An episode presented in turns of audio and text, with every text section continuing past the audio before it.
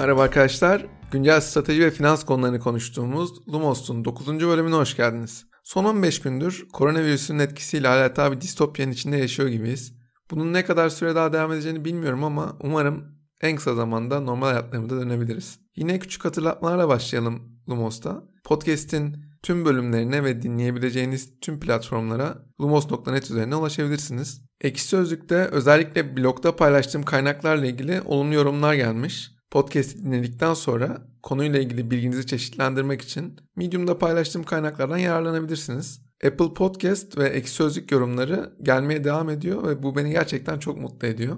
Verdiğiniz tüm geri bildirimler için çok teşekkür ederim. LinkedIn, Instagram, Twitter, Facebook üzerinden Numos'u takip edebilirsiniz. Bu küçük hatırlatmalardan sonra yavaş yavaş konumuza giriş yapalım. Bugün konuğumuz yine Google'ın çatı şirketi Alphabet olacak. 2019 yılında 31 milyar dolar free cash flow yaratan, kasasında da 119 milyar dolar nakit bulunan Alphabet'in bugün itibariyle piyasa değeri 767 milyar dolar. Gelirlerinin %83'ünü reklam üzerinden kazanan şirketin 2019 yılı toplam geliri de 162 milyar dolar. Bu rakam bir önceki yıla göre %16'lık artış anlamına geliyor. Rakamlara baktığımızda fazlasıyla etkileyici bir şirket var karşımızda.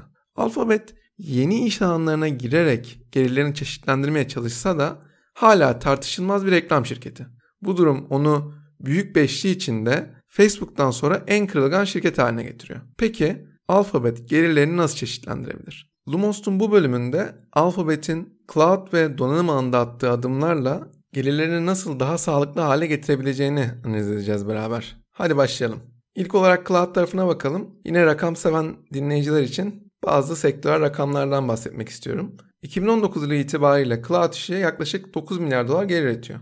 Bir önceki yıla göre %52'lik bir artış söz konusu. Markete baktığımızda da %6'lık pazar payıyla Google Cloud 3. sırada.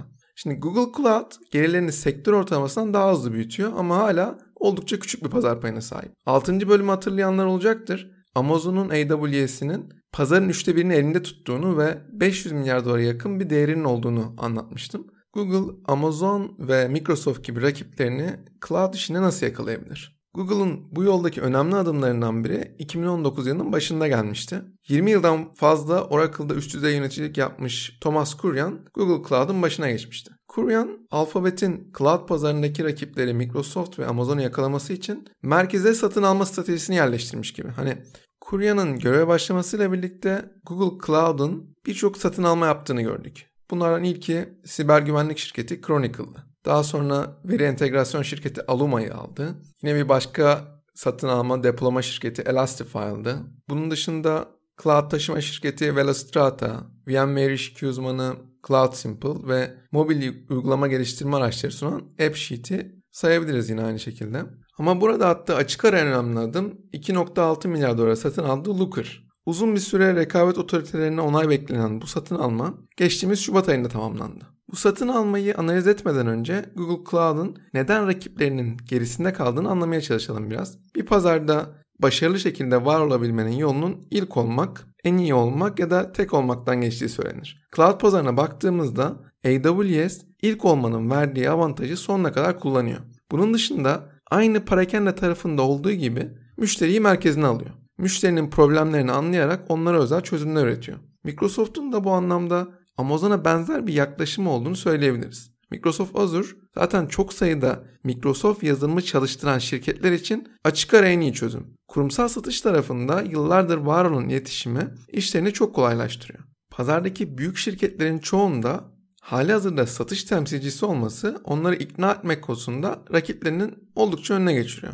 AWS ve Azure ile karşılaştırıldığında Google Cloud platformu pazarda yeni. Eğer pazarda yeniyseniz ya rakiplerinizden fiyat anlamında çok cazip olmanız gerekiyor ya da rakiplerinizden çok üstün bir teknolojiye sahip olmanız gerekiyor. Google Cloud rakipleri gibi müşteri merkezli olmak yerine olaya teknoloji perspektifinden bakarak başlamıştı. Belki de bu bir hataydı. En iyi teknolojiye sahip olmayı en tepeye koyup müşterilerin sadece bundan dolayı kendilerini seçeceğine inanıyorlardı. Mühendis temelli bir kültüre sahip olmanın getirdiği bir handikap bu belki de. Rekabette rakiplerinin çok ötesinde bir ürünü piyasaya sunamayınca istediği başarıya bir türlü ulaşamadı. Yıllar içinde bu yaklaşım hatasını fark edip çok daha akılcı politikalar izlemeye başladılar. Hala rakipleri kadar olmasa da müşterilerini çok daha fazla dinliyorlar. Bundan önemlisi en iyi olduğu şeylerin sayısını arttırmaya çalışıyorlar. Bugün baktığımızda Google Cloud rakiplerinden fiyat olarak daha rekabetçi görünüyor. Açık kaynak tarafında en iyi cloud çözümü olduğu söylenebilir. Kendi geliştirdikleri Kubernetes teknolojisi artık bir standart haline gelmiş gibi. Tüm bunların ötesinde gelecek yıllarda daha da değerli hale gelecek analitik tarafında en iyi olmalarını sağlayacak hamleler yapıyorlar. İşte bu noktada Looker satın almasının Google Cloud'un veri analizi çözümünü eksiksiz hale getirdiğini söylemek mümkün. Bu iki şirketin bir araya gelmesi Google Cloud, Azure ve AWS'te bulunan verilerin toplanabileceği, analiz edebileceği ve görselleştirilebileceği uçtan uca bir analiz platformunu ortaya çıkarmış oldu. Looker, Microsoft Power BI kadar kolay ve Tableau kadar kapsamlı bir araç. Müşterilerin farklı platformlarda bulunan verilerine erişebilmesi ve görselleştirebilmesi konusunda kesinlikle rakipsiz durumda. Seriye turunda 1.6 milyar dolar değerleme üzerinden yatırım almıştı. Bu anlamda da satın alma fiyatı uygun görünüyor. O yatırım turunda açıkladığı verilere göre 1600 müşterisi bulunan şirketin gelirleri de bir önceki yıla göre %70 artışla 100 milyon doları geçmiş durumdaydı. Burada bir başka artı da iki şirketin müşterilerinin sadece %20'sinin ortak olması Google Cloud için yeni müşteri kazanımı adına çok önemli bir fırsat. İkinci olarak da Alphabet'in gelirlerini çeşitlendirmek adına donanım tarafında neler yaptığına bir bakalım. Bu doğrultuda daha önce hiç olmadığı kadar kararlı bir strateji ortaya koyduğunu görüyoruz. Öncelikle bunu ekleyeyim. İlk kez geçen yıl Made by Google konferansında ortaya yepyeni bir vizyon koymuştu Alphabet. Alphabet'in hayal dünyasında bilgisayarlar rahatsızlık vermeden hatta hiç hissettirmeden insanların etrafını çevreliyorlar ve insanların ortam ile etkileşimlerini arttırarak onların hayat kalitelerini iyileştiriyorlar. Ambient Computing adı verilen bu vizyona ulaşabilmek için donanım tarafında atılacak adımlar çok önemli yer teşkil ediyor. Peki gerekli koşullar neler? Bir kere sistem görünmez olmalı. Kişilerin konumları, eylemleri çevresel faktörlere göre farklılık gösterebilmeli ve ihtiyaç duyulan her noktada erişimin olması gerekiyor. Ayrıca algılama konusu ambient computing sistemlerinin vazgeçilmez unsuru. Bu vizyon birçok açıdan oldukça etkileyici. Bu durum içinde yaşadığımız akıllı telefon gerçekliğinden daha büyük görünen bir gelecek vizyonu gibi. Akıllı telefonun yerini alacak bir teknolojiyi önermek yerine onu kapsayacak bir teknoloji hayal ediyor Alphabet. Peki bir şirketin bu vizyona ulaşabilmesi ne kadar mümkün? Bütün sistemlerin uyum içinde çalıştığı bu kadar kompleks bir ekosistem yaratılabilir mi? Ben kendi adıma kısa vadede böyle bir vizyona ulaşabilmenin pek mümkün olmadığını düşünüyorum. Ama yine de Apple ve Alphabet'in bu hedefe en yakın iki şirketi olduğunu söyleyebilirim. Bu vizyonu hedefleyen bir şirketin bir kere donanım portföyünde akıllı ev ürünleri, akıllı araç içi sistemler, giyilebilir cihazlar, cep telefonları, streaming ürünleri, taşınabilir bilgisayarlar olmazsa olmaz görünüyor. Hadi diyelim ki donanım tarafını çözdünüz. Bu kez de yazılım tarafında ekipmanlar arası pürüzsüz bir geçiş sağlayabilmek adına işletim sistemleri ve kişisel asistanlar sunmanız gerekiyor. Apple'ın bu vizyona en yakın şirketlerden biri olduğunu düşünmemin sebebi Apple'ın kendine ait yarattığı çok büyük bir ekosistem var. Bu ekosistem içinde donanımlar mükemmel bir uyum içinde çalışıyor ve yazılımlar da donanımların esnekliğini arttırıyor. Her ne kadar donanım konusunda istediği başarıyı yakalayamasa da Alphabet de portföyündeki yazılım çözümleriyle ön plana çıkıyor. Şimdi ilginç bir bilgi vakti. Alphabet'in 1 milyarın üzerinde kullanıcıya sahip olduğu tam 7 ürünü bulunuyor. Bu anlamda dünyanın en başarılı şirketi konumunda bulunan Alphabet, portföyüne bakıldığında Google Search, Google Maps, Gmail, Google Chrome, YouTube, Google Play ve Android gibi çok başarılı ürünler barındırıyor. Yazılım ürünleri tarafındaki bu sıra dışı başarı donanım tarafında hiçbir zaman yakalanamadı. Başarısız bir motorla satın alması hatırlıyoruz. Google Glass konsept olarak büyük bir ses getirmesine rağmen ticari başarıdan uzak kalmıştı. HTC Design takımının alınmasına rağmen Pixel serisinde hedeflediği satış rakamlarına bir türlü ulaşamamıştı. Bu ve benzeri daha birçok örnek sayabilirim Google'ın donanım tarafındaki başarısızlıklarına. Peki bu başarısızlıkların temelinde yatan ana sebep ne? Şimdi bir adım daha ileri gidip detaylara indiğimizde oldukça kafa karıştırıcı bir tablo çıkıyor karşımıza. Şirket yeni bir donanımı piyasaya sunarken Nest ya da Dropcam'da olduğu gibi zaman zaman şirket satın alma stratejisini kullanıyor. Chromebook'ta yaptığı gibi Samsung, Acer gibi şirketlerle partnerlik yaptığı örnekler var. Bazen de Google Home ürünleri gibi iç kaynaklarını kullanarak geliştirdiği ürünleri piyasaya sunuyor. Cep telefonu kategorisine bakıyoruz. Android üzerinden Samsung ile işbirliği yapıyor.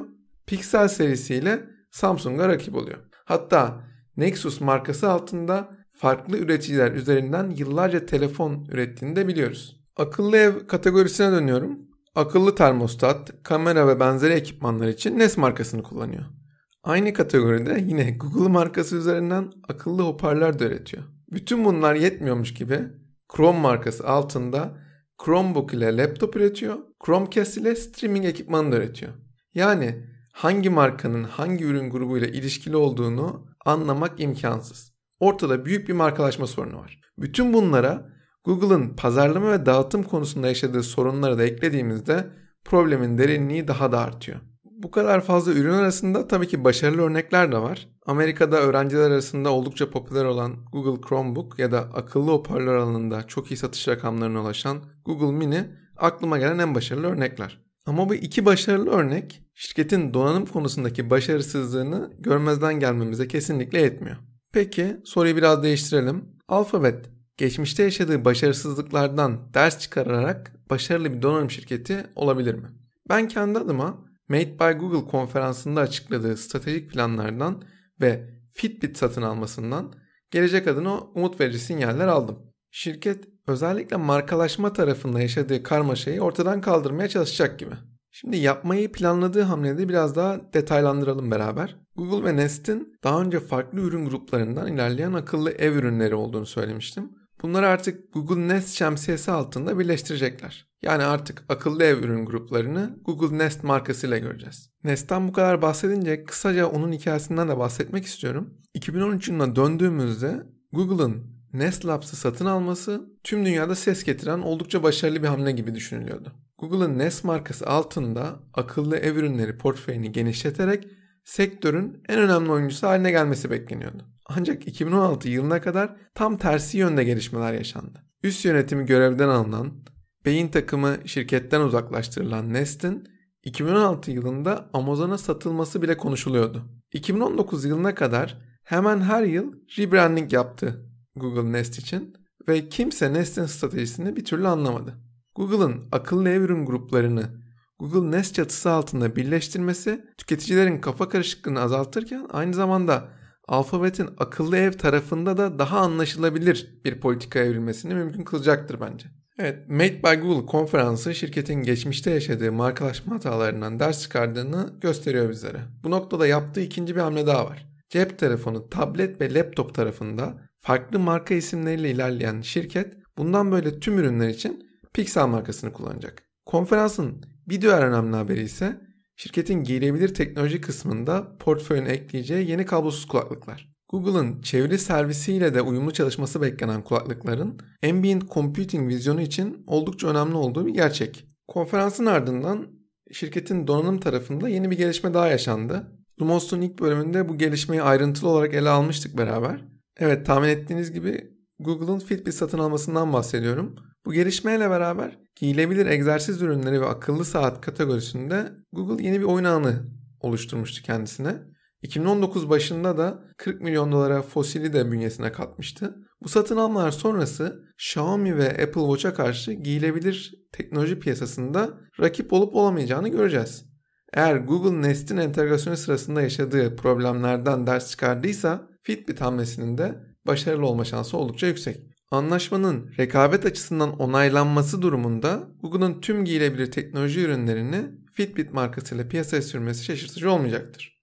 Google'ın ambient computing vizyonu doğrultusunda gerçekleştirdiği bu donanım hamleleri şirketin hiç olmadığı kadar kararlı olduğunun bir işareti. Bu ana kadar olaya hep Alphabet'in donanım çözümleri üzerinden baktık. Şirketin bu vizyona giderken sahip olduğu diğer avantajı da şimdiye kadar yarattığı ekosistemler. Bu ekosistemler yardımıyla sadece kendi ürünlerini değil başka markaların da ürünlerini destekleyebiliyor. Akıllı telefon tarafında Android, giyilebilir teknoloji tarafında Wear OS, akıllı araç sistemler konusunda Android Auto, taşınabilir bilgisayar tarafında da Chromebook tüm donanım üreticilerinin Alphabet'in ekosistemine dahil olabilmesini de sağlayacak. Hatta bu çözümlere yakın zamanda yapay zeka ve sağlık teknoloji tarafından da eklemeler olacak gibi. Örneğin İlk otonom araç projelerinden biri olan Waymo, otonom sürüş teknolojisi açısından en sofistike teknolojilerden birine sahip. Android'de olduğu gibi Waymo kendi arabasını üretmiyor ancak sürücüsüz araçlar için uçtan uca bir yapay zeka çözümü sunuyor. Bütün bunları düşündüğümüzde şirketin ulaşılması çok zor görünen ambient computing vizyonu için bir şansı olabilir gibi görünüyor. Evet yavaş yavaş podcast'in sonuna geliyoruz.